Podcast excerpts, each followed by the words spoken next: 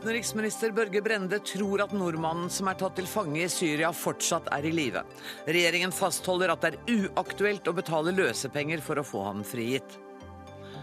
Asylstrømmen har tvunget UDI til å iverksette en overordnet beredskapsplan. Også Politiets utlendingsenhet øker kapasiteten. Hva betyr dette i praksis? Det skal vi forsøke å finne ut av i løpet av den neste timen.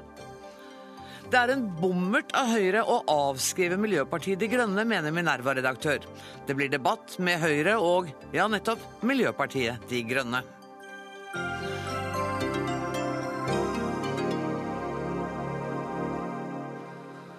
Dette er Dagsnytt 18, der det skal bli mer om Miljøpartiet De Grønne. For de vil nemlig gruse nye veiprosjekter. Det blir det også debatt om. Men først skal vi til bortføringssaken i Syria. I ettermiddag holdt utenriksminister Børge Brende en pressekonferanse der han fortalte om forhandlingene med IS for å få frigitt den bortførte Ole Johan Grimsgaard Ofstad. I går kveld kom det fram at regjeringen ikke gir rette for krav om løsepenger for å få ham frigitt. Vi skal høre litt av det utenriksministeren sa på sin pressekonferanse. Basert på analyser av det bildet som i går ble publisert, og den informasjonen vi har, eh, så er vår vurdering at bildet sannsynligvis er tatt den siste måneden. Vi jobber videre med det utgangspunkt at Grimsgaard Ofstad fortsatt lever. Knut Magnus Berge, leder av utenriksredaksjonen her i NRK. Børge Brende sier vil fortsetter arbeidet med det utgangspunkt at han fortsatt er i live. Bildet kan være en måned gammelt. Hva er sannsynlig her? Ja, det er vanskelig å vurdere, men det vi kan slutte er iallfall at uh, det er kommet en uh, konkret indikasjon som de kan forholde seg til. Bildet som ble lagt ut på nettsidene til IS uh, i går, har de analysert, kommet fram til at sannsynligvis er tatt den siste måneden. Ut ifra det så kan de da si at de legger til grunn at han fremdeles er i live. Men det forteller jo òg hvor stor usikkerhet det hersker knytta til hvilken situasjon situasjon han faktisk er i. Journalister over hele landet, og sikkert også her i huset, har prøvd å få ut mer informasjon i dag fra myndighetene. Men det er usedvanlig taust. Vi får ikke vite detaljer om hvordan de arbeider, så mye om hvem som arbeider med saken. Er det sikkerhetsgrunner som gjør at det er denne muren av taushet nå? Det vi fikk i dag, var jo en eh, vurdering av utenriksministeren knytta til offentliggjøringa i går. At det var et stort tilbakeslag. Eh, og det eh, handler jo sannsynligvis om at en føler at når det nå er offentlighet om saken, så går den inn i en annen fase. Vi er over i en fase som eh, handler om propaganda. Eh, IS er ute etter å eh, sjokkere. Og slik sett så har dette siste døgnet vært et tilbakeslag for den linja UD og den krisestaben Gruppen ønsket å føre i den saka. Og vi er over i en fase som kan være potensielt farligere for denne nordmannen. Opplagt. Hva vet vi om bakgrunnen for at han reiste til Syria? Vet du noe mer der? Eh, det eneste vi kan forholde oss til, er at han har utvist stor interesse for eh, Syria, eh, ikke minst på sosiale medier. At han har tatt kontakt med folk han mener kunne hjelpe han til å gi råd knytta til hvordan en skulle ta seg inn i Syria osv. Men konkret om beveggrunnene vet vi svært lite. Du, Litt tilbake igjen til, til, hvordan IS vurderer dette, når de da har lagt ut eh, dette bildet. Er det sånn at vi nå i dette studio gjør akkurat det IS ønsker, nemlig å gi dem oppmerksomhet med det de bedriver? Det eh, er det ingen tvil om. Eh, på den andre sida, det er helt umulig ikke å omtale eh, slike saker når offentligheten først har fått greie på det. Dette er en sak av stor offentlig interesse, og vi er nødt til å dekke det. De forhandlingene som har pågått siden januar, jeg sa at det har vært en sånn mur av taushet. Vi vet i hvert fall lite i detalj, men hva kan du si om måten myndighetene arbeider på i sånne situasjoner som dette? Det vi fikk vite i dag, er jo at uh, styresmaktene har sett inn relativt store ressurser på uh, dette. De har holdt på i åtte måneder, siden uh, de da fikk greie på at det var en sannsynlig gisselsituasjon. Vi går jo ut ifra at han først ble tatt av en mindre gruppe og så solgt videre. 25-30 personer har jobba med det. Krise Krisestaben i Utenriksdepartementet består også av folk fra diverse politietater, fra militær etterretning osv. Så, videre. så vi vet at det har vært jobba intenst med dette. Vi skal snakke mer om IS. Ta på deg hodetelefonene, så får du med deg Sigurd Falkenberg Mikkelsen, som er vår Midtøsten-korrespondent. Eh, hvor mange gisler har IS i tillegg til nordmannen og den kineseren som vi også har hørt om eh, i dag? Hvor mange har de tatt? Det, vært, er, det, finnes ikke noen nøyaktig tall på dette av opplagte årsaker. Eh, det er, mange, det er, mye informasjon her som ikke når ut til eh, offentligheten, og mye legges også lokk på av forhandlingsårsaker, slik det har vært med denne nordmannen som nå er tatt. På et tidspunkt var det 23 vestlige gisler som satt i samme fengsel. Det var da mange journalister, også noen hjelpearbeidere. Eh, av dem er en del frigitt, andre er drept, eh, henrettet, slik vi har sett eh, på sosiale medier. Slik at det er færre gisler nå enn det var, så vidt vi vet. Hva vet du om det området der Grimsgård Ofstad ble tatt? Det er ekstremt, et ekstremt farlig område. Vi vet jo ikke akkurat hvor han forsvant. Den siste statusoppdateringen hans på Facebook er fra Idlib. Eh, det var da en by som var regjeringskontrollert, gitt at det var akkurat der han var. Eller man var i Idlib-provinsen, som kontrolleres av opprørerne. Da sa han at han skulle videre til Hama. Også den byen er Sentrum av den byen er kontrollert av myndighetene, men omlandet er eh, kontrollert av forskjellige opprørsgrupper, inkludert mange av de hardere islamistgruppene, som Jabhat al-Nusra, eh, Al Qaidas organisasjon i Syria. Dette er et ekstremt eh, farlig område, og sjansen for å bli bortført i dette området må vurderes som svært, svært stor. Takk skal du ha, Sigurd Falkenberg Mikkelsen. Peter Svaar, du er vår Asia-korrespondent.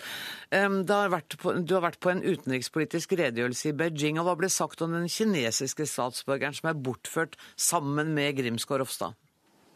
Svært lite. Her holder kinesiske myndigheter kortene veldig tett til brystet. Og Hong Lei, som er talsmann for kinesisk UD, fortalte meg her i ettermiddag at eh, Kina nå undersøker bakgrunnen, som man kaller det, for opplysningene om et kinesisk gissel. Han ville altså ikke engang fra myndighetshold bekrefte at det dreier seg om en eh, kinesisk statsborger. Han sa at Kina er mot voldsbruk mot vanlige borgere. Eh, samtidig så vil jo denne saken nå bli en stor prøve for kinesiske myndigheter her. For det er første gang en kineser er tatt som gissel av IS. 50 år gamle Fan Jinghui her fra Beijing har bakgrunn som ungdomsskolelærer. Og dette skjer jo også etter at flere fra Kinas egen uigur-minoritet i Xinjiang de siste årene også har reist til Midtøsten Midtøsten for å slutte seg til eh, terrororganisasjonen. Men siden de holder så tett, så går jeg ut fra at de heller ikke vil snakke om det eventuelt er et samarbeid med Norge i denne saken? Nei, det lurte jo jeg også på, og fikk bare det samme svaret, at man undersøker eh, bakgrunnen. Men det er jo naturlig å tenke seg i hvert fall at dersom disse to gislene, det norske og det kinesiske, er tatt til fange samtidig av samme gruppe og sitter på samme sted, det vet vi jo egentlig ikke enda. Eh, dersom det er tilfellet, er det jo naturlig at Kina og Norge, på tross av sitt ellers nå veldig kjølige politiske forhold, har mye å tjene på å samarbeide om å, å, å få dem ut. Vi spurte også UD her om Kinas holdning til å betale løsepenger, og hva de syntes syntes om Erna Solbergs ganske kategoriske uttalelser om det i går, og fikk heller ikke noe fornuftig svar på det. Hvor mye oppmerksomhet har denne saken fått i kinesiske medier? Langt mindre oppmerksomhet inn i eh, Norge. Det har selvsagt også litt med hvordan kinesisk presse fungerer, og hvor toppstyrt eh, dekningen her er. Men Kina er jo også et land med 1,4 milliarder mennesker. og Det er ikke sånn at samfunnsmaskineriet her stopper opp dersom det er én person som er tatt som gissel et sted. Det er ikke en sak som får den samme vegg-til-vegg-dekningen som uh, man får hjemme i Norge, selv om saken også har blitt dekket her og kom ut på enkelte kinesiske nettsteder allerede i går kveld, omtrent samtidig uh, med at nyheten sprakk i Norge. Men det er altså ikke en sammenlignbar interesse her. Takk skal du ha, Peter Svaar fra Beijing. Stein Erik Mauseth, du er pensjonert politioverbetjent, og du har vært rådgiver for Utenriksdepartementet og har deltatt eh, som forhandler, i gisselsaker i bl.a. Afghanistan. Kan ikke du gi oss et lite inntrykk av hvordan er det å sitte og forhandle? Det er en uh, ikke stressende sak, men du blir sliten etter hvert, ikke sant? fordi du skal være rolig, du skal være kreativ, og du skal også informere dine overordnede og de du har eh, rundt deg. og gåsehøyne overordnet, og det er en slik utenlandskidnapping, så er det Politidirektoratet og Utenriksdepartementet som har lidd i denne saken. Forhandler dere da, eller da du var med, forhandlet dere direkte med gisseltakerne?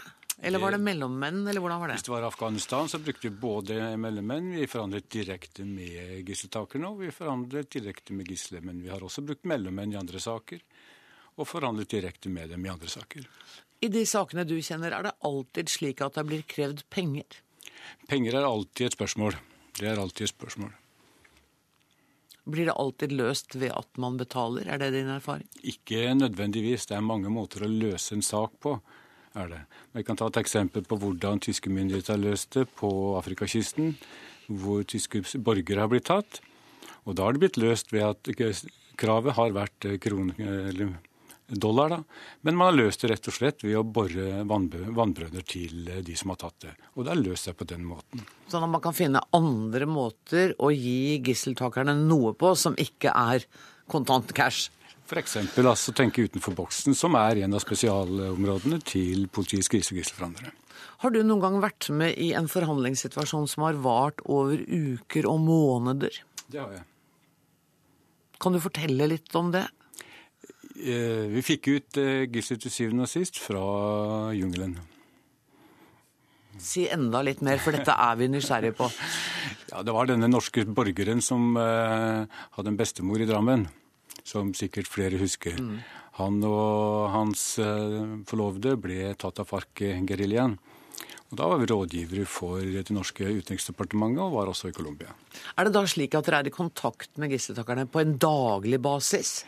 Nei, da er vi rådgiver for Utenriksdepartementet. Fordi at de fleste, eh, fleste politietater de har sine egne forhandlere. Mm. Og norske forhandlere, slik som også i dag, kjenner jo også de fleste lands forhandlere. Dette er et nettverk. Er det viktig at vi har flere forhandlere, sånn at ikke den som sitter og hovedforhandler, eh, blir utslitt og til slutt kanskje mister temperamentet, eller får temperamentet til å bruse? Vi sitter aldri alene. Okay. Vi sitter aldri alene. To er bedre enn én, og man sitter gjerne som et team hvis man sitter i et uh, område, men her vil jeg tro at man er to. Det at det har tatt flere enn åtte måneder fra uh, han ble tatt til fange og fram til i dag, er det et godt eller dårlig tegn? Det er et tegn på at uh, det har vært kommunikasjon på en eller annen måte. Og hvis man husker tilbake til Syria- eller Irak-krisen, hvor gisler og kidnappinger var dagligdags, så tok det fra ti dager til seks til åtte måneder til opptil tolv måneder å få dem løs. Så det er alltid en dialog, og det kan ta tid. Og det er også det som har skjedd her, som vi har hørt i løpet av dagen og gårsdagen, at han er helt sikkert kidnappet av en uh, løsere gruppe, en kriminell gruppe, og er solgt videre. Da. Solgt til IS? Solgt, ja, solgt til IS eller gitt til IS, hva vet vi. Mm.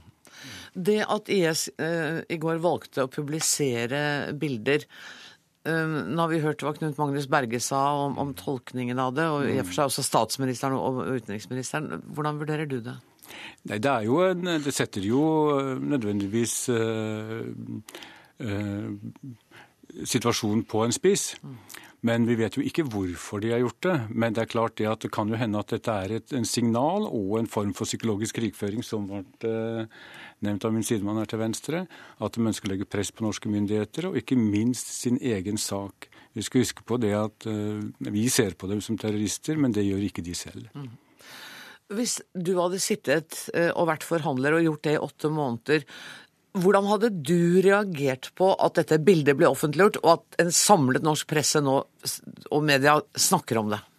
Nei, Da jeg har jeg sagt det at dette er en helt naturlig konsekvens av at uh, situasjonen har vart så lenge.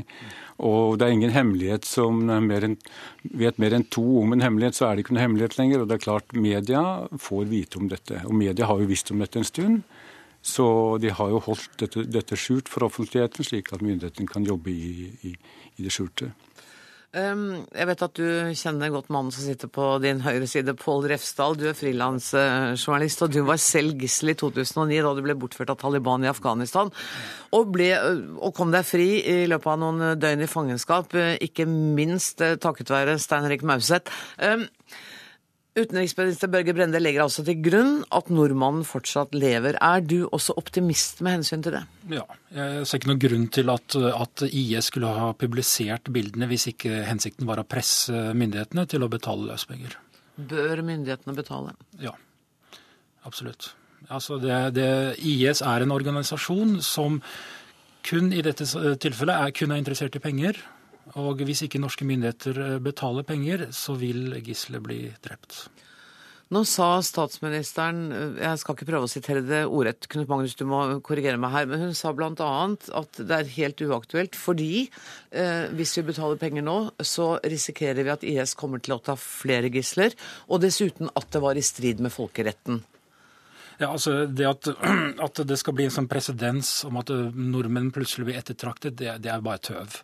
Altså det, Så vidt jeg vet så har norske myndigheter aldri betalt løsepenger, og fortsatt så blir nordmenn tatt som gisler. Så, så jeg tror ikke det har noen, noen, virkning i det hele tatt. Altså vest, Vestlige borgere blir tatt som gisler i slike områder fordi de går ut fra at på en eller annen måte så får de penger ut av oss.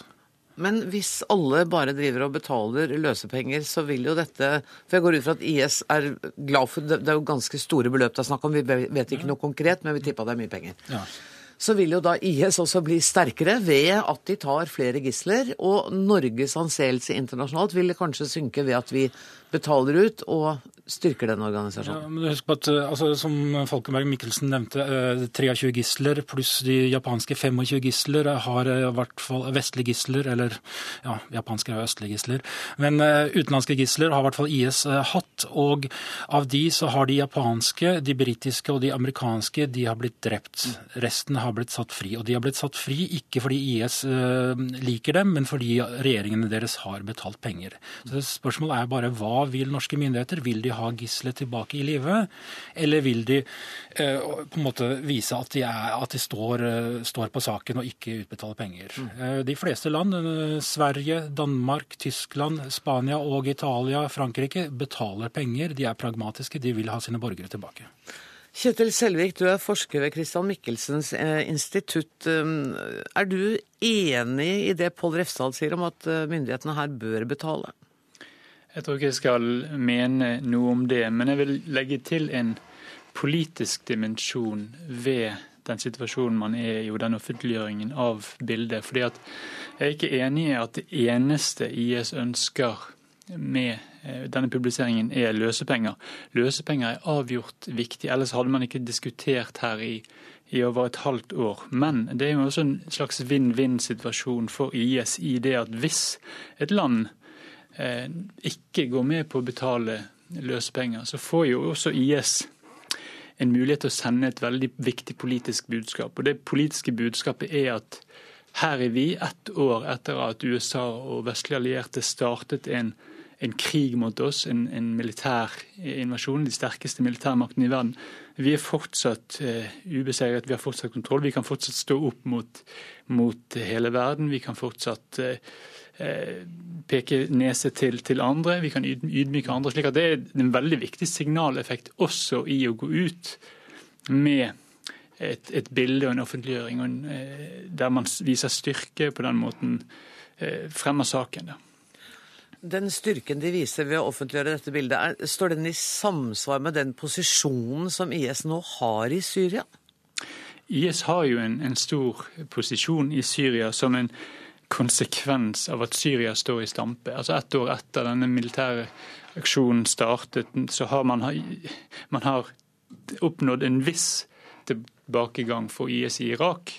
Men i Syria så har man ikke noe å snakke om. De har tapt eh, terreng for kurderne i nord, men de har styrket seg andre steder i landet. og De står særlig, særlig sterkt langs langs Eufrata, som renner vest, altså i det nord, nordøstlige Syria og i ørkenområdene rundt der. Så De kontrollerer mye territorium i, i Syria. Hva er det ved IS som gjør at det tiltrekker seg tilhengere?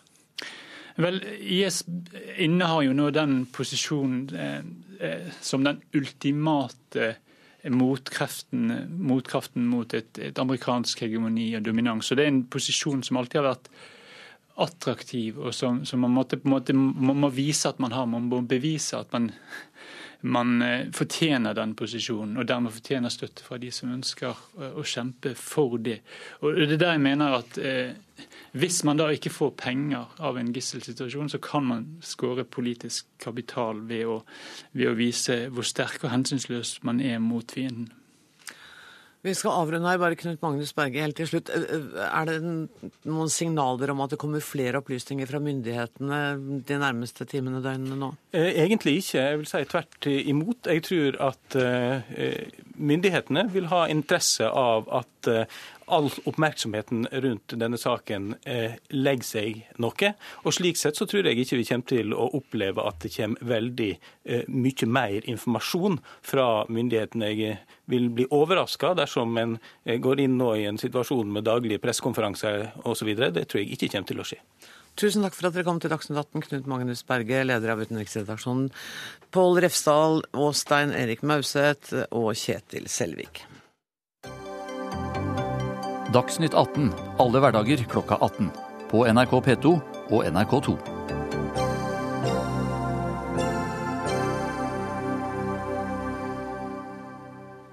Forrige uke kom det 750 flyktninger til Norge. Det er mer enn dobbelt så mange som det UDI har planlagt for på denne tiden av året. Nå er det iverksatt en overordnet beredskapsplan i UDI.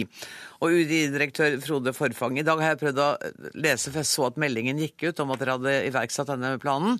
Og så har jeg lest forskjellige medier, og så tror jeg egentlig ingen visste hva det betydde. Kan ikke du forklare meg? Det betyr jo at vi er tettere på situasjonen. Altså ja, hva betyr at vi, det, da? At vi, at vi overvåker, at vi bemanner en del roller internt i vår organisasjon som overvåker situasjonen enda tettere, skal sikre enda raskere beslutninger og god koordinering mellom ja, altså både internt i vår egen organisasjon og ut mot andre myndigheter og andre samarbeidspartnere. Så Det er på en måte litt sånn det byråkratiske internt i forhold til dette, men bakgrunnen for dette er jo at vi ser at Antall asylsøkere er nå også over dobbelt så høyt som det som eh, prognosene våre eh, tilsier. Men det er ikke bare det. Det er også det at vi nå eh, forbereder oss på at tallet kan stige ytterligere. Og det er ikke minst den usikkerheten om hva som skal skje fremover, som har vært utløsende for at vi har satt beredskap. Fordi nå kommer det altså drøyt 100 hver dag. Normalt på denne tiden av året 35-40 per dag, så det er allerede veldig mye høyt over. Eh, og så kan det eh, når som helst, ut fra det vi ser i Europa, eh, kunne bli vesentlig høyere enn det. Det er selvfølgelig usikkert. Vi vet ikke hvor mange som kommer. Men fra 100 til 200 eller 300 eller 400 om dagen er noe i hvert fall andre europeiske land har opplevd. og det minste vi kan gjøre nå, det er å i hvert fall forberede oss på en sånn situasjon for å være beredt dersom det skjer, fordi eh, det vil sette apparatet, alle deler av apparatet på en, på en ganske så hard prøve. Jeg, jeg er fremdeles ikke helt fortsatt med, fornøyd med presiseringen din. Jeg skjønner du. Så jeg vil vite, er det, er det sånn at nå prøver dere å skaffe flere overnattingssteder? Er det flere mennesker som skal ta seg av de som faktisk kommer? Eller, altså... Altså, vi, vi, vi, vi, har jo et kontinuerlig arbeid, det er jo glidende overganger her. Vi har et kontinuerlig arbeid for å etablere eh, både kortsiktig kortsiktige eh, løsninger med hensyn til å få akuttplasser for de som kommer fra dag til dag, samtidig som vi nå har et apparat i gang for oss å etablere flere tusen nye plasser. Vi har nå lyst ut eh, 7000, behov for 7500 plasser over hele landet. Er det akuttplasser? Eller? Det, er, det er litt mer langsiktige løsninger, okay. for det vil ta litt tid å få på plass. Men eh, det er da parallelt med at vi jobber med akuttløsninger. Og det har vi jo gjort en periode nå eh, de siste ukene, og det fortsetter vi med. Eh, og så er det slik at eh, Skulle det nå komme, i stedet for 100 om dagen, komme la oss si 200 eller 300, så er det klart at da må vi gire enda et hakk om. Eh, og da er vi nå inne i samtaler med ulike samarbeidspartnere om hva kan andre bidra med for å veldig raskt få på plass ytterligere kapasitet som vi kan da liksom bare knipse og også få på plass i løpet av noen dager. Fordi folk kommer fortløpende uten å varsle oss på forhånd. Sånn at, sånn at, eh, vi må være beredt på å kunne håndtere situasjoner som svinger veldig, og, og, og, kan nå et høyere nivå enn det vi ser i øyeblikket. Hvordan ser du på alle de privatpersonene som nå forsøker å bidra med sitt med mat og tepper og altså det er jo, altså Den velviljen som vi møter rundt omkring i landet er jo veldig positiv og et, en veldig bra ting. Og vi merker jo også at det gjør vårt arbeid mye lettere. fordi når vi skal etablere mange nye mottaksplasser, både akuttplasser veldig fort, men også permanent uh, utover i landet, så vi, har vi mer erfaring med at det har vært litt krevende. Det har vært ofte gnisninger uh, mot kommuner og lokalsamfunn. Det er ikke alle som har ønsket det velkommen. Nå, nå opplever vi at, at uh, dette glir mye lettere, fordi folk der ute ønsker dette velkommen, de, iallfall i mye større grad. Og det gjør også vårt arbeid mye enklere. Sjef for Politiets utlendingsenhet, Kristin Kvigne. Dere er også virkelig i førstelinjetjeneste her, kan man trygt si. Eh, fortell, hva er det som er jobben deres? Ja, vår jobb er jo å ta imot alle som søker, skal søke asyl i Norge, som eh, det første stedet de kommer til. Og vår, eh, vårt arbeid er da å foreta en registrering av alle de som kommer. Eh, som Forfang sier, så er vi jo nå i en situasjon hvor det kommer to til tre ganger så mange som de gjør normalt. Sånn at vår kapasitet i forhold til dette er utrolig presset nå. Og vi kan, eh, sånn som vi gjør det nå, nå foretar vi en foreløpig registrering, sånn at folk skal slippe å vente hos oss. Og så blir de sendt i et mottak, og så tar vi de inn igjen senere for å ta fulle registreringer. Eh, på hjemmesiden deres i dag, for jeg gikk inn der for å se, og der sto det 'Hva kan jeg gjøre for å hjelpe?' Eh, og egentlig så sier dere at 'vær så snill, ikke prøv å hjelpe oss'. Ja, og det tror jeg Altså, vi har veldig presset på tid. Vi har også veldig små lokaler hvor vi skal gjennomføre det arbeidet vi skal gjøre. Eh, eh, I likhet med Forfang så syns jeg også dette engasjementet er veldig positivt. Dette kunne jo sett veldig annerledes ut og vært veldig mye svartere. Sånn at dette er et veldig godt og positivt engasjement. Men samtidig så ser vi at vi bruker relativt mye tid på å administrere folk eh, som ønsker å hjelpe. Tid som vi burde bruke på søkerne for å få disse raskest mulig gjennom. Men det der blir jo et dilemma, for søkerne har jo behov også for den frivillige hjelpen og de vanlige folka. Og så sier dere at det er fint, men vi har egentlig ikke tid til det. Så det blir jo et dilemma for dere òg. Ja, nå tenker jeg at vi dekker de basale behovene der. Altså de får ikke, de får ikke varm mat, men de får et måltid og de får drikke hos oss. Eh, og dess kortere tid de kan være hos oss, dess raskere vil de komme seg ut på i det vanlige mottaksapparatet, hvor de vil få alle disse tingene som de jo eh, har har. Vi er jo så heldige at vi har et veldig godt mottaksapparat som fungerer til tross for at vi har så stor tilstrømning. Og, og da tenker jeg at det er viktig at vi bruker det, og at det engasjementet kan kanaliseres inn der hvor man virkelig har behov for det. Og da er det kanskje viktig å få sagt også at det, det gode poenget ditt om at jo kortere tid mm. de er hos dere, mm. uh, jo bedre er det for dem også å komme seg videre ut fra den registreringen. Forfang. Ja, og det er jo mange måter folk kan hjelpe til på. Uh, det som er viktig, er å få kanalisert hjelpen dit hvor det er mest behov. Mm. Og jeg ser for meg at uh, altså nå etableres det mange mottak rundt omkring i landet. Det er mange lokalsamfunn som blir berørt av dette. En god del av disse mottakene vil også være for enslige mindreårige asylsøkere. Og det er også andre barn rundt omkring. Det folk kan gjøre, det er jo å inkludere disse eh, i eh, lokale aktiviteter, i organisasjonslivet, idrettslag, hva det måtte være. Men sørge for å inkludere dem i å gi av sin tid. Eh, det er kanskje en vel så god hjelp som ren materiell hjelp, fordi myndighetene stiller opp både med tak over hodet og med mat og klær. slik at det er ikke der behovet er størst. Men det å gi av sin tid og inkludere folk, og gjerne gjøre det litt over tid, fordi mange av disse vil være i mottak en god stund, det tror jeg vil være en veldig nyttig form for hjelp, og det er en hjelp som det vil være behov for mange steder over hele landet. Benedicte Giæver, du er leder for Flyktninghjelpens beredskapsstyrke. Og jeg ser at du sitter og nekker når Forfang sier dette her, ja. med at man over tid man skal integrere dem, få dem med i aktiviteter, snakke med dem, være gode naboer. Du kom fra Lesbos i går. Ja. Hvordan var situasjonen der? Nei, Situasjonen har vært helt forferdelig. Nå riktignok en litt bedre, men du vet, du hadde 20 000 flyktninger på en øy hvor vi ikke, altså vi, det internasjonale samfunnet og de organisasjonene som var til stede, har ikke fått tilgang til dem med å gi dem mat, vann, husly, sanitære forhold. Sånn at du har fått en forferdelig opphopning hvor folk har bodd under de mest kummerlige forhold man kan tenke seg. Og jeg har jobbet nå internasjonalt i kriser og konfliktområder i 20 år. Og det å oppleve dette på Europas grunn, det er for dårlig. Det holder ikke. Så der blir de ikke registrert? Der blir de ikke mottatt av en uh, utlendingsenhet og Jo, det skjer også registrering. Men det som hadde skjedd på Lesbos, var at det hadde hopet seg sånn opp. Og da klarer ikke politiet å ta det unna. Og det er uh, Nå fikk jo de 60 nye politifolk som ble sendt over til Lesbos fra Aten. Men vi ser bare at det registreringssystemet som Hellas har, uh, skal gjøre, det fungerer ikke. Så det må man løsne opp i, sånn at flyktningene ikke blir sittende på disse øyene. De vil seg videre. Og det har vært ganske kaotisk og til dels større konfliktsituasjoner mellom politi og flyktningene. Har du vært der nede for å observere og lære, eller har du vært og bidratt? altså jeg har vært og bidratt eh, på den måten at vi må se på hvordan kan vi støtte ytterligere opp om dette her. Mm.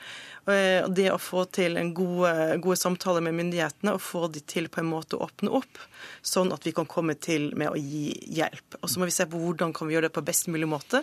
Det finnes også mange frivillige i Hellas som bidrar. Jeg kan fortelle dere at Der har de laget en app Eh, sånn at eh, da kom det liksom som Airbnb. Sånn at Hvis du vil huse en flyktning, så kan du gå inn på denne appen og si at huset ditt er åpent. Hvis du vil invitere dem på middag, så kan du gjøre det. Og da kan flyktningene også gå inn og se på om det er noen der som ja, de, de kan gå over overnatte hos. hos. Så jeg så ikke noe voldsom entusiasme hos Forfang på ideen om en app og en, en Altså, ideen er jo god, og, og, jeg tenker at dette er jo også noe som kan organiseres eh, i det frivillige Norge og av lokalsamfunn. Så bare, all kreativitet er egentlig bare velkomment. Men ser du for deg et, et, et tettere samarbeid mellom dere og det frivillige Norge for å få dette til? For dette her kommer jo ikke til å gå vekk fra oss. Ja, det gjør vi gjerne. Jeg har snakket med flere fra det frivillige Norge, altså organisasjoner. Og eh, jeg mener jo at, eh, og jeg har oppfordret i flere sammenhenger organisasjoner også til å engasjere seg, ikke minst lokalt. Eh, med å, slik som jeg sa i stad, altså at man kan stille opp rundt asylmottakene, og gi tilbud til de som eh, bor der, og sørge for at hverdagen blir litt mer meningsfull. Fordi det er ikke så veldig meningsfullt å eh, oppholde seg lenge i et asylmottak. Det er stusslige greier å, å være et asylmottak over tid.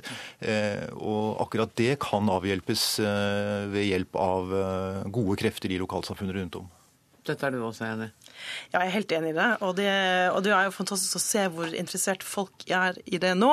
Og vi må bare håpe på at det vil vedvare også om to og tre måneder.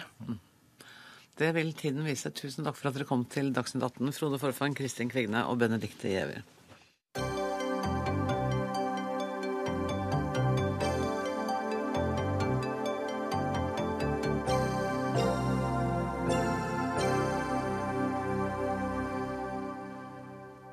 Og så skal det handle om hjemlige forhold. For Miljøpartiet De Grønne sier at de vil stanse en rekke veiprosjekter over hele landet. Ti i alt, ifølge VG, hvis de får makt etter valget. En stemme til De Grønne er den største trusselen mot sysselsetting i Norge, svarer Høyre. Nils Åge Jekstad, du er medlem av transport- og kommunikasjonskomiteen på Stortinget for Høyre. Hvordan er Miljøpartiet De Grønne en trussel? Nei, vi vet at De prosjektene de nå skal skrinlegge, har en verdi på 70 milliarder kroner. Det innebærer at det er ca. 35 000 årsverk som er beskjeftiget med disse prosjektene. Det er klart at det å fjerne 35 000 årsverk fra norsk veisektor vil jo bare øke arbeidsledigheten i landet. Og det, er, det, viser bare urealismen i det hele. For I tillegg så skal jo også Miljøpartiet De Grønne kutte oljeproduksjonen. Så eh, Hvor de egentlig har tenkt å ta pengene fra, eh, og hva de har tenkt at andre folk skal gjøre i mellomtida, det skjønner jeg ikke. Men, men igjen, ikke sant, da setter vi arbeid, arbeidskraft, eller arbeidsledighet, opp mot klimaspørsmål. Nei, ikke nødvendigvis. for det, Hos oss er det slik at vi bruker ganske mye penger av oljepengene til klimatiltak. Og regjeringen har jo overoppfylt klimaforliket på Stortinget når det gjelder bevilgning både til klimafondet, og når det gjelder bevilgning til kollektivtransport og når det gjelder bevilgning til jernbanesatsing, ikke minst vedlikehold for jernbane. Så det, pengene går inn, men i tillegg til det så er det sånn at Norge er, er ikke bosatt rundt fire store byer, de bor i hele landet. Og da er, da er, veier et viktig element for å få fram arbeidskraft, men også for, ikke minst for å få eksportert eh, eh varer og tjenester fra distriktene. altså eh, torsk, eller Fisken vår mhm. skal til Europa. Ja. Og den skal da altså gå, den går i dag eh, på veier, stort sett. Og jernbanen er ikke konkurransedyktig, det kan den være, men stort sett så er det på vei, må ha veier for å komme ut i distriktene. Hilde Opoku, du er nasjonal talskvinne og bystyrerepresentant for Miljøpartiet De Grønne. Her uh, hører du alle motargumentene uh, mot å skrote disse veiprosjektene. Du er jo enig i at vi fortsatt trenger veier? Ja, selvfølgelig trenger vi veier i Norge som er et langstrakt land og som folk bor spredt. Det her er snakk om eh, hovedtransportårene våre. og Det ble påstått masse forskjellige ting i det innlegget, her, så jeg må få litt tid til å svare. For det første så snakka han om overoppfylling av klimaforliket. I klimaforliket så står det at trafikkøkningen inn mot de store byene skal tas ut i kollektiv, sykkel og gang. Vi skal ikke øke kapasiteten på veiene. Så det disse prosjektene som vi snakker om i VG i dag, det er prosjekter som øker kapasiteten inn mot vei. Og så var det snakk om sysselsetting. Og selvfølgelig skal vi øke sysselsettinga i Norge. Og så dro han inn olje. Og det at Miljøpartiet De Grønne snakker om et 20-årsperspektiv på olje, er jo nettopp for at vi skal få til en overgang til andre arbeidsplasser. Når det gjelder transportsektoren, så har vi også sagt at vi vil doble satsinga på tog og kollektiv i en femårsperiode. Og det er vanskelig for meg å se for meg at ikke det krever like mye sysselsetting for å få bygd ut et konkurransedyktig tognett i Norge, altså konkurransedyktig i forhold til å kjøre bil, hvor vi får eh, persontransport og godstransport over på skinner. Og Så ble det også dratt inn det her med fisk. Og det er klart at Vi skal få, få, fisk til Europa og til markedene raskt, men her må vi også være villige til å tenke annerledes. Eh, mer av transporten vår må også over på kjøl, altså på båt. Rekstad, jeg vet ikke hva du vil ta. Altså, her hører vi at f.eks. å bygge ut eh, jernbane vil også skape tilsvarende med arbeidsplasser. Det kan vi gjøre i mye større grad uten å forurense. Ja, Vi gjør jo det i dag også. Vi bygger jo jernbane i stor stil i Norge. Vi bruker jo 26 milliarder på jernbanesektoren hvert år, og vi øker jo det bevilgningene årlig. Og... Ja, men Hvis vi kunne brukt de 70 milliardene ja, som du snakket om til vei? De 70 milliardene de jo bare, mm. kommer jo ikke bare fra statsbudsjettet, de kommer i stor grad fra bompenger. Og et bompengeprosjekt er jo helt avhengig av at noen kjører på veien hvis de skal få inn de. Og, det, og, det er, og dessuten er det sånn at det er, jernbanen kan dekke behovet til inn og ut av de store byene, men jernbanen er et veldig stivt system, så man kan ikke forvente at det skal komme til hver by og, og grend i dette landet. Veisystemet skal ha en tilstrekkelig kapasitet. og Vi snakker ikke om noe overkapasitet, men vi snakker om å gjøre dem trygge, gjøre dem effektive og hindre at det blir unødig kø, og slik at man får et unødig tidstap og uh, unødig bruk av drivstoff. Men med Så det ligger, mye miljø, det ligger mye miljø en god vei. Uh, ja. Kan jeg få svar på det? Ja da, vær så god. Ja. Det er jo veldig gammeldags å skal bygge en transportpolitikk på de løsningene som her blir skissert. Vi må nødt til å kjøre på vei for å ta inn bompenger, blir det sagt. Uh, det er jo helt bakvendt. Vi må nødt til å finne framtidas transportløsninger, og den går bl.a. på skinner. Og så ble det snakk om at de skal unngå køer. En av de prosjektene som vi sier at vi ikke syns er fornuftig, er utbygging av E6 mellom Ranheim og Stjørdal, som er i Sør- og Nord-Trøndelag. Jeg har i dag snakka med en av de bussjåførene som kjører daglig strekningen på flybussen fra Trondheim til Stjørdal. Han sier at det aldri er noe problem med kø, så framt til ikke er en ulykke på veien. Så den kødannelsen som det her ble argumentert for, den finnes i hvert fall ikke på det strekket. Eh, og så blir det sagt at vi skal ha veier ut i distriktene i landet her. Det er vi enig i, men de veiene vi snakker om i denne sammenhengen, det er på hovedveiene våre. Det er hovedveinettet. Og der mener vi at vi i hvert fall på Sør-Østlandet, i Trøndelag og rundt eh, Tromsø, eh, må nødt til å ha alternativer til økt eh, bilbruk. Og så er det okay, noe annet forhold på Vestlandet. Nå må Jekstad nesten få lov å få ordet, for dette var en lang salve. Ja, det var en veldig lang salve. Det, det bygger jo liksom på en form for virkelighetsforståelse som jeg i utgangspunktet ikke deler. Eh, vi har altså et langstrakt land. Vi har eh, byer på Vestlandet, vi har byer på Østlandet. Vi trenger veier mellom byene. Vi trenger veier på tvers av eh, fra øst til vest. Dette er jo et, det, Norge er jo et, et land som er, ikke er veldig godt skrudd sammen som et kollektivland.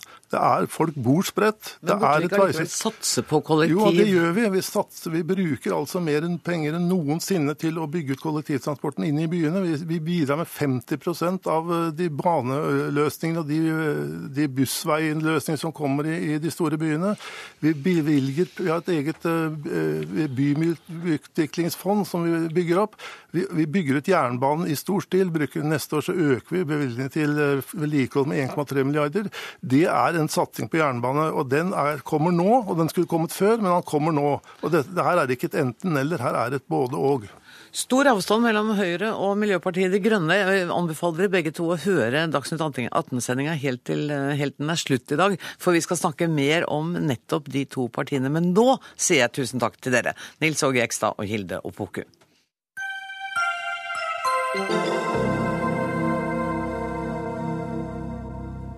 Den norske kirke står overfor et av de største veiskillene på mange år. Årets kirkevalg er historisk av flere grunner. Den store saken er spørsmålet om homofile og lesbiske skal få lov til å gifte seg i kirken. Oppslutningen om kirkevalget i fjor var på litt over 13% Det spås en valgdeltakelse på om lag 30% i år. Og Likevel så sier du, Espen Ottosen, infoleder i Misjonssambandet, at det er problematisk at passive kirkemedlemmer har samme innflytelse som bekjennende kristne. Hvorfor det? Jeg tenker at eh, det er de aktive i kirken, de som går eh, mye på gudstjeneste, de som er opptatt av kirkens ståsted og profil i mange spørsmål, og ikke bare har ett syn i spørsmålet om vielser og homofile. Jeg tenker det er mest naturlig at det er de som stemmer jeg har ikke tatt til orde for å frata noen eh, stemmeretten. Det så jeg. Det har du vært nøye med å si at det har du ikke tenkt å gjøre. Ja, jeg, jeg har ikke noen sånn veldig gode alternativer. Men jeg syns det er litt problematisk hvis vi får et valg nå hvor, de, hvor det faktisk er mennesker som stemmer som samtidig f.eks. sier at de ikke tror på Gud, de er nok ikke kristne, de har egentlig aldri hatt en bibel eller åpna en bibel. men de vil gjerne eh, åpne kirken for eh, homofile par i forbindelse med vielser. Da tenker jeg at da tror jeg en del av de som er aktive i kirken, de som leser en del i Bibelen, de som vil gjerne at kirken skal uh, stå på Bibelens grunn, jeg tror de vil føle seg litt fremmedgjort og synes det er veldig underlig uh, at folk som da veldig sjelden setter sine ben i kirken, er de som faktisk styrer kirkens profil og ståsted. Trond Bakkevik, prost i Vesteraker kirke. Er du ikke litt enig i det? At det er litt pussig at de som bruker kirken bare som en seremonimester, kanskje bare ved bryllup og begravelser, at de skal ha like mye innflytelse over kirkens trosretning og politikk som de som bruker den hele tida? Jeg tror ikke at noen er medlem av kirken uten grunn. Og um, Derfor så er det helt uh, Det skal være sånn at de som er døpt og er medlem av kirken, de har også rett til å delta i bestemmelsen av hvordan Kirken skal se ut fremover. Og så er jo ikke dette et valg om Kirken skal tro på Jesus eller ikke. Det er et spørsmål om kirkeordninger. Det er et av de viktige tingene nå. Og det er spørsmål om skal homofile få lov til å gifte seg. Det er kanskje det som vekker mest interesse akkurat nå? Det er opplagt det som vekker mest interesse, og for mange er det et spørsmål i seg selv, men det er også et, spørsmål, et symbolspørsmål på hva slags kirke vi skal være. Og vi skal være en kirke som sier at ja, de som ønsker å høre til, de som ønsker dåp, de skal få lov til å høre til, og de skal være med. Men er, mener du også at de homofile og lesbiske som ønsker å bli viet der, skal få bli viet der? Det mener jeg absolutt. Ser du at dette kan oppfattes som at kirkevalget denne gangen er utsatt for en slags aksjonisme? Ja, det ser jeg. Men, men, eh, det bekymrer meg ikke. Fordi at uh, nå er det dette spørsmålet. Forhåpentligvis er det et annet spørsmål en annen gang. Og, og uansett hvordan det er, så tenker jeg at dette er, det, dette er, prisen for demokrati. Og det er riktig og godt at de som ønsker å stemme, de får stemme. Ottosen, det er helt opplagt at det er dette spørsmålet som gjør at du er bekymret over hvem som skal uh, stemme ved dette kirkevalget. Ja, altså Det jeg i hvert fall syns blir veldig underlig, eh, for jeg tror det kommer til å bli høy valgdeltakelse denne gangen. Eh, og så tror jeg den kommer til å stupe om noen år. Hvis vi ikke får en sånn symbolsak som også engasjerer de som sjelden går i kirken, eh, hvis neste store sak blir liturgireform eller eh, omarbeiding av salmeboka eller et eller annet sånt, som bare engasjerer de som pleier å gå i kirken, ja, så faller valgdeltakelsen ned til 5-6-7% Og Det er jo det jeg syns blir litt sånn paradoksalt, at nå får vi, tror jeg, da et kirkevalg som handler om én sak, eh, og som vil fremmedgjøre de som faktisk bruker kirken mye. Og så syns jeg jo Bakkevik lukker øynene i litt for stor grad her når han sier at det er da ingen som er medlem av Den norske kirke uten grunn. Altså, Det er jo lett å finne undersøkelser som viser at det er tusenvis av medlemmer i Den norske kirke som ikke tror på Gud, som ikke er kristne. Uh, og, og der, Vil du oppfordre de til å stemme? Jeg vil oppfordre alle medlemmer til å stemme. Fordi og her kommer noe av erfaringen som prest inn. Ja, vi som prester som skal døpe barn, vi snakker med alle som kommer med sine barn til dåp. Og vi vet at ofte har ikke troen et tydelig språk. Den er lengsler, den er vilje om å høre til. Den er en, en søkende tro, den er en usikker tro. Den er ofte båret av tvil, men de ønsker å høre til.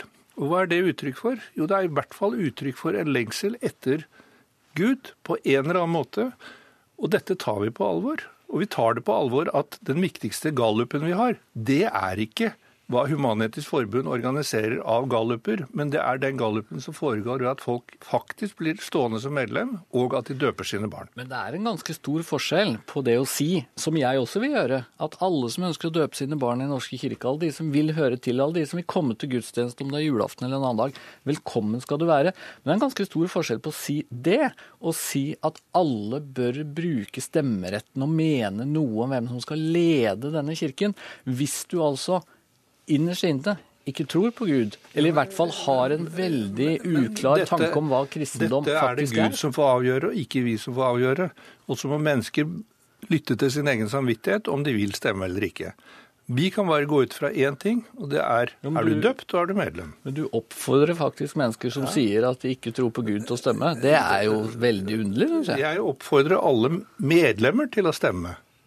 Og hvis de er medlemmer, så tror jeg de er medlemmer av en grunn. Men Ottosen, når du syns dette er vanskelig, er det fordi du har, har du problemer med begrepet en demokratisk folkekirke? Er det, er det demokratiet i det som gjør at det er vanskelig for deg? Jeg har nok problemer med i hvert fall å sette et likhetstegn mellom et kirkevalg og et politisk valg.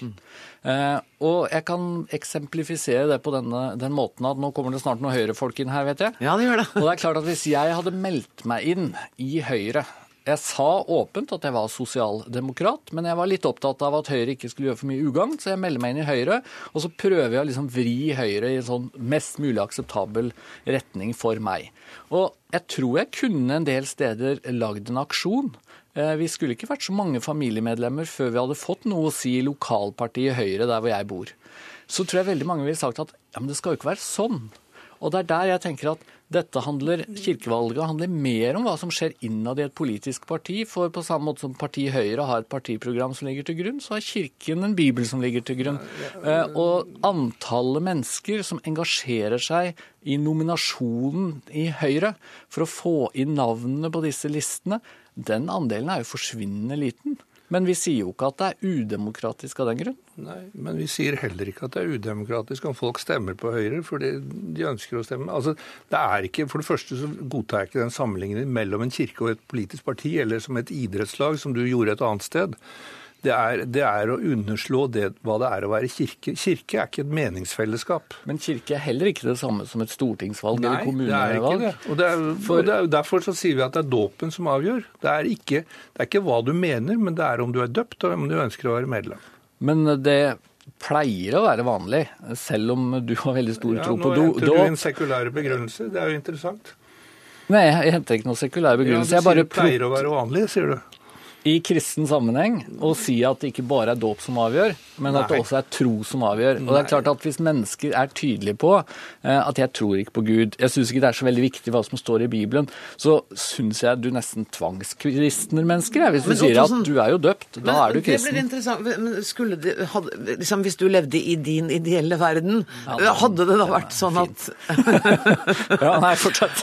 Hadde det da vært sånn at, at man på en måte måtte bekrefte sin tro for å stemme? Eller, eller hvordan ser du for deg at dette skulle gjøres? Altså, Jeg syns det er kjempevanskelig. Ja. Fordi at jeg tenker at alle kirkeordninger har sine svakheter.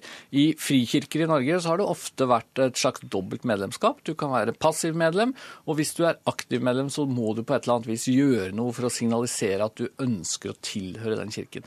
Men jeg har ikke noen uh, gode eksempler på at dette fungerer knirkefritt. Så mitt hovedbudskap har egentlig bare vært at jeg syns det er helt greit om valgdeltakelsen ikke blir skyhøy. Det er altfor få som går til gudstjeneste eh, vanlig. Eh, 4-5 går vel ofte eller ganske vanlig til gudstjeneste.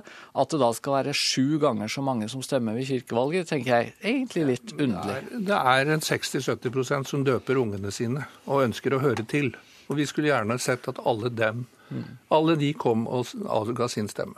Men det, for meg er det i hvert fall en ganske stor forskjell på at det, de skal få lov å høre til, hjertelig velkommen til det.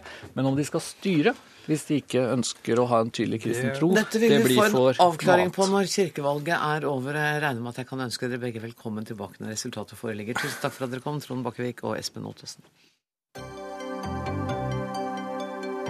Hør Dagsnytt 18 når du vil. Radio NRK.no.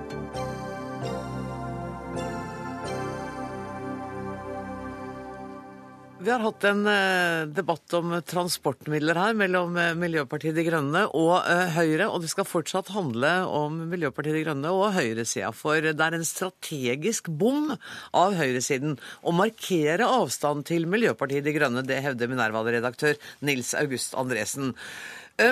Hvorfor bør disse to partiene samarbeide? Altså Etter den krangelen jeg hørte i stad, så tenker jeg det er ingenting. Ja, altså La meg først si, Det er, det er jo det er mye jeg er enig med, med Høyre i her. Altså Miljøpartiet De Grønne er et eh, ensaksparti med sterke moralistiske overtoner og mye ekstrem politikk på mange måter. Men Høyre har jo lang erfaring med å samarbeide med moralistiske ensakspartier, som Senterpartiet og Kristelig Folkeparti. Eh, og så hestehandler vi, fordi det er det som er veien til makten. Eh, Og det som har skjedd de siste årene, er at Miljøpartiet har stabilisert seg på meningsmålingene over sperregrensen. Og det er ganske plausibelt at de vil havne på vippen i flere stortingsvalg, og selvfølgelig mange kommunestyrer rundt omkring i landet.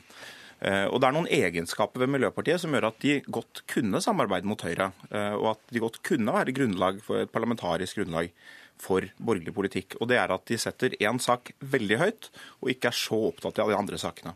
Så hvis Høyre kan gi dem ting på klima, så kan det godt hende at eh, det programmet til MDG, som det er mange rare ting i, kan forhandles bort i ganske stor grad. Men sånn at du er på en måte en pragmatisk strateg her. Jeg er en pragmatisk strateg. Var ikke det fint sagt av meg? Absolutt. Fordi at du, du eh, refererer jo til samarbeidspartier som Høyre har hatt. Eh, Og det syns jeg var interessant lesning, både Venstre og Kristelig Folkeparti. Og hvor du liksom drøfter og hva har vært i det for Høyre? Det kan være like mye å hente ved å gå inn med Miljøpartiet De Grønne. Men må ikke da Høyre forvente en ganske betydelig innflytelse over det partiprogrammet? Jo, altså, jeg, jeg sier ikke at det kommer til å bli lett. Det jeg sier er at eh, det, Vi kan være i en situasjon hvor eh, det partiet er på vippen, og så må man velge hva gjør man da. Sier man da er det rød-grønt flertall, eller sier man vi er åpne for å snakke sammen. Eh, og jeg mener man bør åpne for å snakke sammen, og det er en del typer høyrepolitikk som kan være veldig god klimapolitikk. Høyre har en god klimapolitikk. eh, Hvor Miljøpartiet De Grønne godt kan komme Høyre i møte på en måte som venstrepartiene ikke kan. F.eks. grønt skatteskift, som er en eh, type politikk som, som vi kan gjøre mye mer av. eh, Hvor man beskatter miljøskadelige ting, og ikke er så opptatt hele tiden av å ta de rike. Det er ikke det som er målet med skattepolitikken, men det er å få gode insentiver for viktig samfunnsendring. Og det er jeg sikker på at Miljøpartiet kan være med på. Lars Gauseth, partisekretær i Miljøpartiet De Grønne. Du er hermed invitert Takk. til å samarbeide med Høyre. Ja, altså Først vil jeg jo bare si at uh, Miljøpartiet De Grønne er jo et blokkuavhengig parti. Og vi har jo gjennom hele valgkampen sagt at vi er villige vi, til å snakke med begge sider for å få mest mulig gjennomslag for grønn politikk. Eh, og det betyr at når våre eh, representanter kommer inn i kommunestyrene rundt omkring eh, i høst, mange steder i vippeposisjon, så vil de ta kontakt med både høyresiden og venstresiden for å snakke om samarbeid og fremme våre saker. Og da synes jeg jo at hvis Høyre mener alvor da, med at man ønsker det grønne skiftet og vil ha miljø eh, på dagsorden, så må man jo være villig til å snakke med Miljøpartiet om de her sakene. Eh, Så men du hvis- syns egentlig det er en god idé fra Minerva-redaktøren? Altså, Det her skal jo avgjøres lokalt. Vi dikterer jo ikke hva våre lokallag gjør, så det vil jo variere fra sted til sted. Men, Men hvis du fikk bestemme? på- Ja, Nå er ikke jeg på valg heller, men, men, men det vi ser vær, vær Ja. med meg og lek litt, da. Hvis, kunne dette være en vei for dere å forfølge? Å gå inn i et tettere samarbeid med Høyre? Vi trenger ikke å se lenger enn til Halden. Der har det faktisk skjedd. Vi har faktisk hatt et borgerlig samarbeid med Høyre, Venstre eh, og KrF og Senterpartiet i forrige periode. Så man trenger ikke å gå lenger enn til Halden for å se at det faktisk kan fungere. Samtidig som vi i Trondheim har vært en del av en rød-grønn posisjon. Så grønne partier har og er i stand til å samarbeide med både Høyre og eh, andre partier. Nikolai Astrup, satte du kaffen i halsen da du leste Andresens eh, artikkel? Jeg sendte han en SMS. Og sa Jeg må innrømme at jeg gjorde det. SMS-er skal vi kanskje ikke referere, jeg får alltid kjeft for det. Nei, så Det var en spontan reaksjon, det er helt korrekt det. Og min reaksjon var at eh, i Oslo så har eh, Miljøpartiet De Grønne så langt vist seg å være et parti som ikke er på vippen. Altså de, de tilhører den rød-grønne blokken i Oslo, slik de stemmer. I 80% av tilfellene så har de stemt med venstresiden. Og hvis du ser på partiprogrammet deres i Oslo, så ligger de et sted mellom Rødt og SV på mange avgjørende spørsmål, som i skolepolitikken, i eldreomsorgen, innenfor øh, ja, mange andre ting. Oslopakke 3 har dere allerede diskutert. altså og det, er, øh, det gjør at øh, i en by som ikke har formannskapsmodell, men som har en parlamentarisk styringssystem, så det, eh, kan man ikke bare forholde seg til at dette partiet vil ha én sak igjennom. Da må man forholde seg til hele partiprogrammet. Eh, Og for det, det er det det skal forhandles om. Byrådsplattform. Eh, Og jeg har sittet i slike forhandlinger før. Jeg gjorde det i 2011. Forhandlet med Venstre og KrF. Det tok tre uker. Eh, Det er krevende forhandlinger, og man forhandler om alle saker. Eh, Ikke bare én sak. Men hvis det er slik at Miljøpartiet De Grønne er villig til å legge bort mye av sin politikk og bidra til å gjennomføre vår, så stiller jo selvfølgelig saken seg annerledes. Men det signalet jeg ser så langt, det jeg ser at de går til valg på å love sine velgere, det styrer ikke den retningen. Men på klima og miljø så er jo Oslo allerede en foregangskommune. Vi er best i, i Norge av alle kommunene, eh, og vi er opptatt av å videreføre det. Så jeg er sikker på at eh, også der vil det være tilfeller der vi kan finne sammen. Men ikke noe mer for, du ser ikke for deg noe mer Men det å sitte i byråd sammen er noe annet enn å bli enige om eh, enkeltsaker for byen. Gaupseth? Ja, jeg syns det er interessant at Nicolai har en mer eh, positiv tone enn Fabian Stang i VG i dag, som egentlig utelukker totalt at MDG kan være et parlamentarisk eh, grunnlag. Eh, Men det Jeg jeg vil si oppfatter ikke Astrup som så veldig positiv akkurat nå. Nei, nei, men det som i hvert fall er klart, er at vi står langt unna Høyre i f.eks. oljepolitikken. Vi mener at vi har en helt annen linje der. Men det finnes en masse rekke andre spørsmål hvor vi eh, kan være enige med Høyre om energieffektivisering i bygg, kollektivtransport osv. Eldreomsorg, skoler, Ja, barnehager vi, vi går jo til valg på en helhetlig plattform. Vi er ikke et ensaksparti, men det vi har sagt er at vi prioriterer knallhardt klima og miljø i enhver forhandling, og det vil gjelde uansett om man sitter i forhandlinger med venstresida eller høyresida, så er det miljø og klima som er det sentrale for oss. Det vil vi andre kalle en ensaksparti. Et ensaksparti. Ja, men det er ikke det samme. Altså Senterpartiet for eksempel, Du har mange andre partier som har kjernesaker, men som likevel har helhetlige program. Og Miljøpartiet De Grønne har politikk, er opptatt av både skole, hel, hel, helse, eldreomsorg, helsepolitikk og andre områder. Men vi er tydelige på hva det velgerne får, hvis De Grønne får innflytelse. Andresen. Så jeg er ikke uenig i, med, med Astrup i at i Oslo så har Miljøpartiet så langt øh, syntes å være på venstresiden. Og det samme gjelder på mange måter nasjonalt. Men jeg tror det er viktig å huske at Miljøpartiet er et ungt parti øh, som har på en måte, vært en bevegelse, øh, mer enn noe annet kanskje, med mange som nok har hjertet sitt litt for langt ute på, på venstresiden. Men så det er et ungt parti med et litt flytende program, og det er ikke så ofte partiet har vært på vippen. Så min opplevelse nå er, består av to elementer. Det ene er at Miljøpartiet ser at de, hvis de skal få innflytelse, så må de eh, spille en rolle hvor de kan samarbeide begge, sid- begge veier. Ellers så kan de ikke få, få vesentlig innflytelse. Mm. Da blir de som SV, de klarer ikke å påvirke politikken. Eh, Det andre er at eh, når de er, hvis de er på vippen, så må Høyre tenke på sine strategiske muligheter. Det handler ikke bare om partiet er lett å samarbeide med. Og vi skal jo også huske at det er, eh, altså det er mange andre partier som heller ikke er lette å samarbeide med. Og jeg er sikker på at det der kommer til å bli, bli krevende. Og det er, mange, det er også mye klimapolitikk hvor jeg ikke syns at MDG har en god politikk. Men, uh, Men du er litt optimist. Er det, Altså, beklager at jeg må bryte deg litt. jeg må si at Taktisk så er det vanskelig nå. I Oslo er situasjonen vanskelig nå. men Hvis vi skal se ti år fremover i tid, så er vi nødt til å tenke på hvordan høyresiden kan forholde seg konstruktivt til MDG. Konstruktivt til MDG. Ja, og det, jeg tror jo at eh, i deler av landet så kan det jo være borgerlig innstilte MDG-representanter. Det er jo det som kjennetegner nettopp det, eh, eh, den bevegelsen Miljøpartiet De Grønne er. De er i mindre grad et parti. Eh, Partiprogrammet bærer preg av at det er skrevet av folk som dels er liberale, dels er, hører til på venstre, venstresiden. Og det gjør at eh, hvordan dette slår ut rundt omkring, det kan være tilfeldig. Men i Oslo eh, så mener jeg at eh, partiprogrammet ligger godt til Venstre, og måten de har stemt på de siste fire årene, bekrefter den tendensen. Der lukket du egentlig døra for et partisamarbeid i Oslo, og jeg må lukke døra for denne sendingen. Det beklager jeg, for jeg skulle gjerne fortsatt å snakke med dere. Kanskje vi skal møtes etterpå. Um, nei, vi skal ikke det. Uh, Nils August Andresen, Nicolai Astrup, Lars Gauseth, tusen takk for at dere kom til Dagsnytt 18. Ansvarlig i dag var Dag Dørum. Det tekniske ansvaret har Lisbeth Sellereite. Jeg heter Anne Grosvold. Ønsker dere en riktig god kveld.